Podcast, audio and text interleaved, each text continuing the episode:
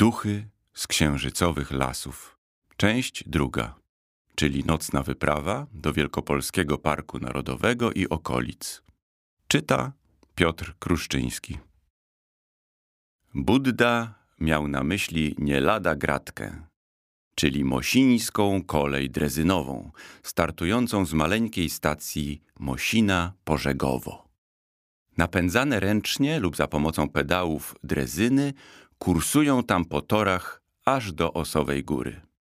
Oczywiście robią to wyłącznie za dnia i przy ładnej pogodzie, ale w wyjątkowych przypadkach, takich jak ratowanie tajemniczego ducha Klaudyny, można przecież odrobinkę nagiąć zasady, prawda? Nocna jazda drezyną to była dopiero przygoda. Takim pojazdem można osiągnąć całkiem niezłą prędkość, nawet gdy tylko jeden z pasażerów dosięga do drążka. Mimo późnej pory, stukot kół na szynach działał na moich przyjaciół pobudzająco. Gnali przed siebie coraz bliżej miejsca, z którego przyzywał ich tajemniczy głos. Tory skończyły się nagle. Kudłaty pies i świnka morska z zielonym plecaczkiem wysiedli z drezyny i stanęli przed ciemną ścianą lasu. Wielkopolski Park Narodowy, powiedziała Pchełka. Nie ma co się bać, nieznajomy duch nas wzywa, rzekł raźno arbus i potruchtał w ciemność. Nie jestem pewna, czy to zabrzmiało zachęcająco. Mruknęła pchełka do siebie i ruszyła za przyjacielem.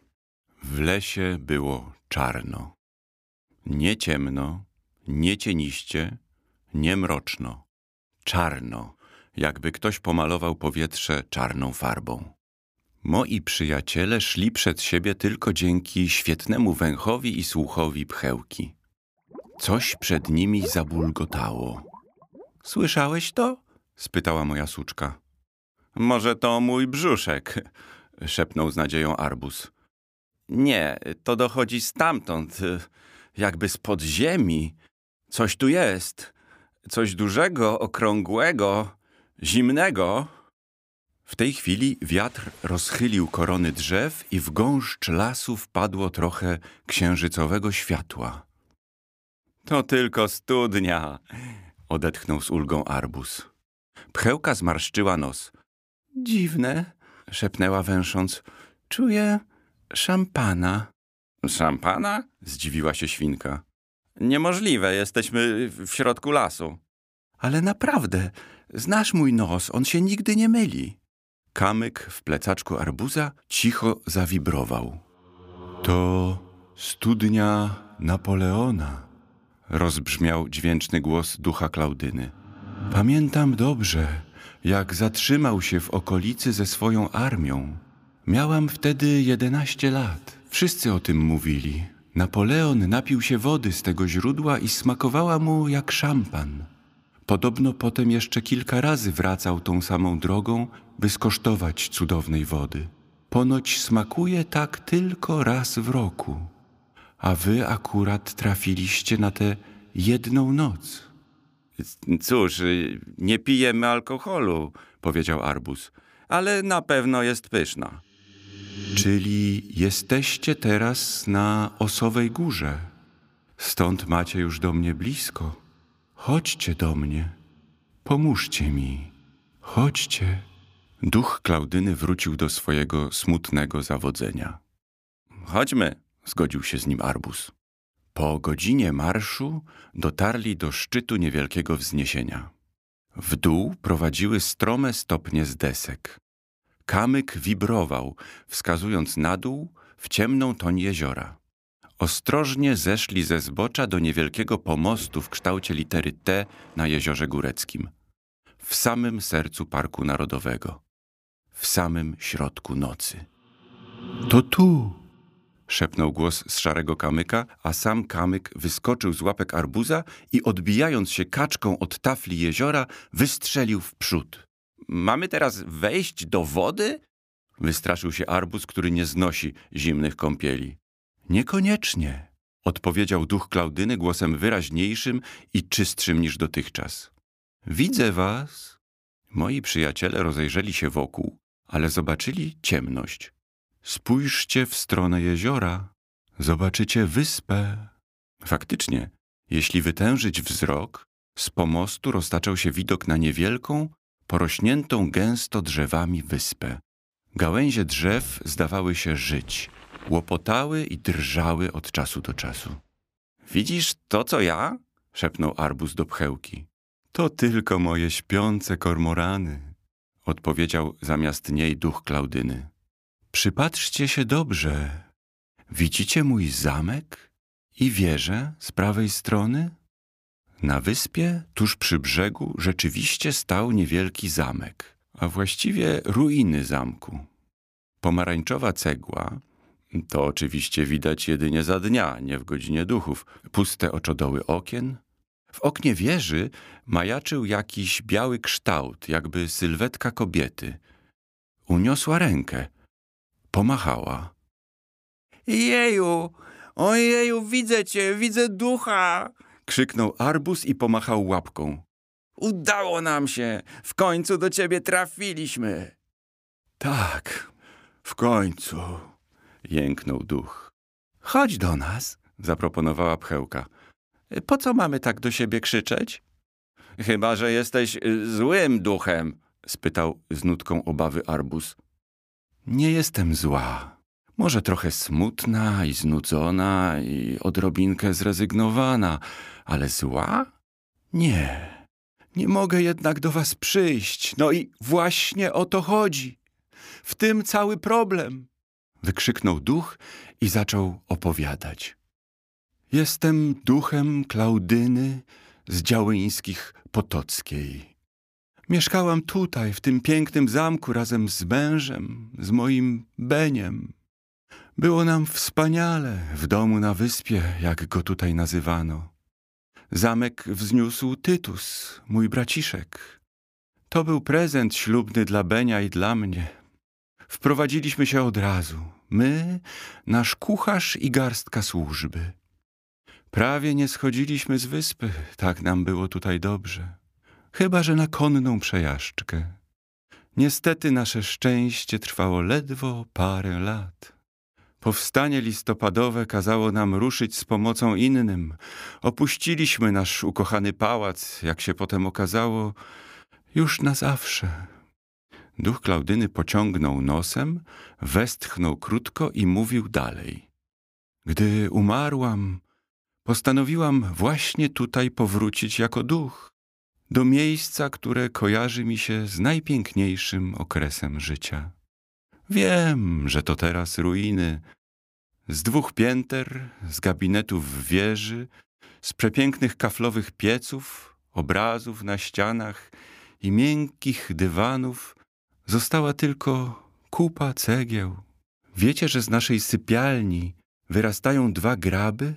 A tam, gdzie jadaliśmy śniadania, mieszka teraz stary, niesympatyczny borsuk.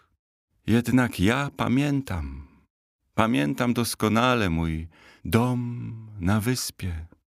Duch Klaudyny znów pociągnął nosem i zamilkł.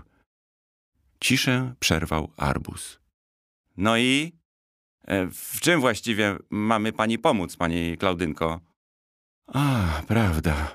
Zapomniałam o najważniejszym.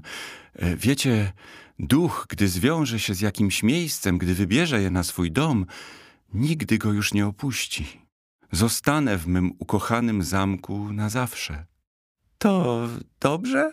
spytała pchełka. Byłoby dobrze, gdybym mogła skutecznie straszyć. No od tego przecież są duchy. Wszystkie zmory z okolicy się ze mnie śmieją. E, wszystkie zmory z okolicy, a, a, a dużo ich tu? spytał Arbus lekko drżącym głosem. Och, ledwie kilka.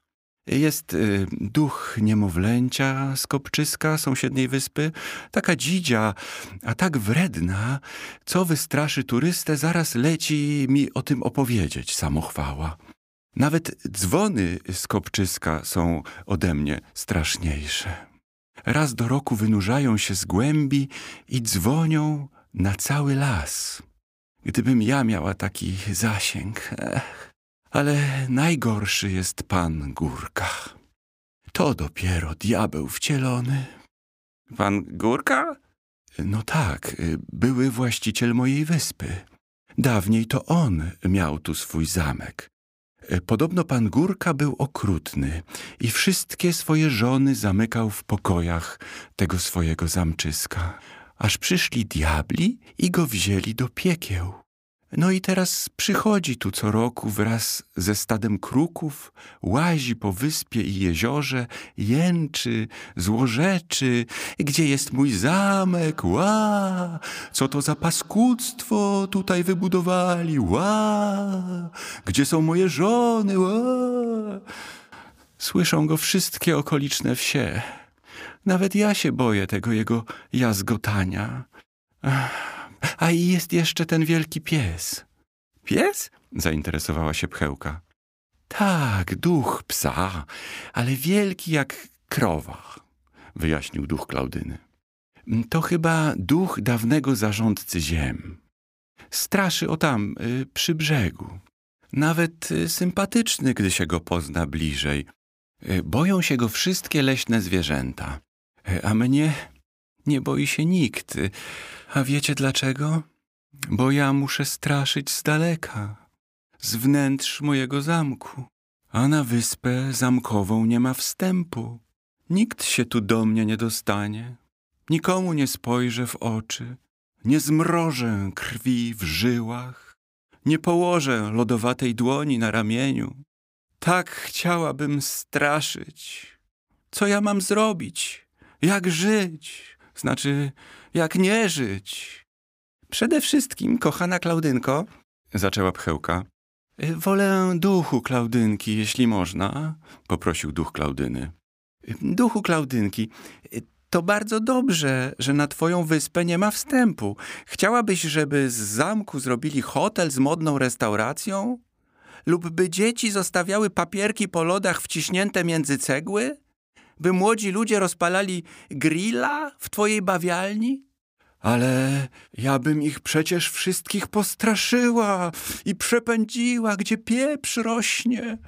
Biała dama z kurnika też tak mówiła i co? I wszyscy wiemy co, mówiła dalej pchełka. Posłuchaj, mam pewien pomysł. Będziesz mogła skutecznie straszyć na odległość. Duch w oknie wieży podskoczył z radości. Jak? zapytał. No właśnie, pchełko, jak? Zaciekawił się Arbus. Kamyki z jeziora, Powiedziała tajemniczo pchełka. Duchu Klaudyny, przecież ty nas wystraszyłaś na śmierć, odzywając się nagle wierszem z głębi szuflady. No, prawda, przyznał Arbus. Wystarczy, że ktoś zabierze ze sobą kamyk z jeziora góreckiego.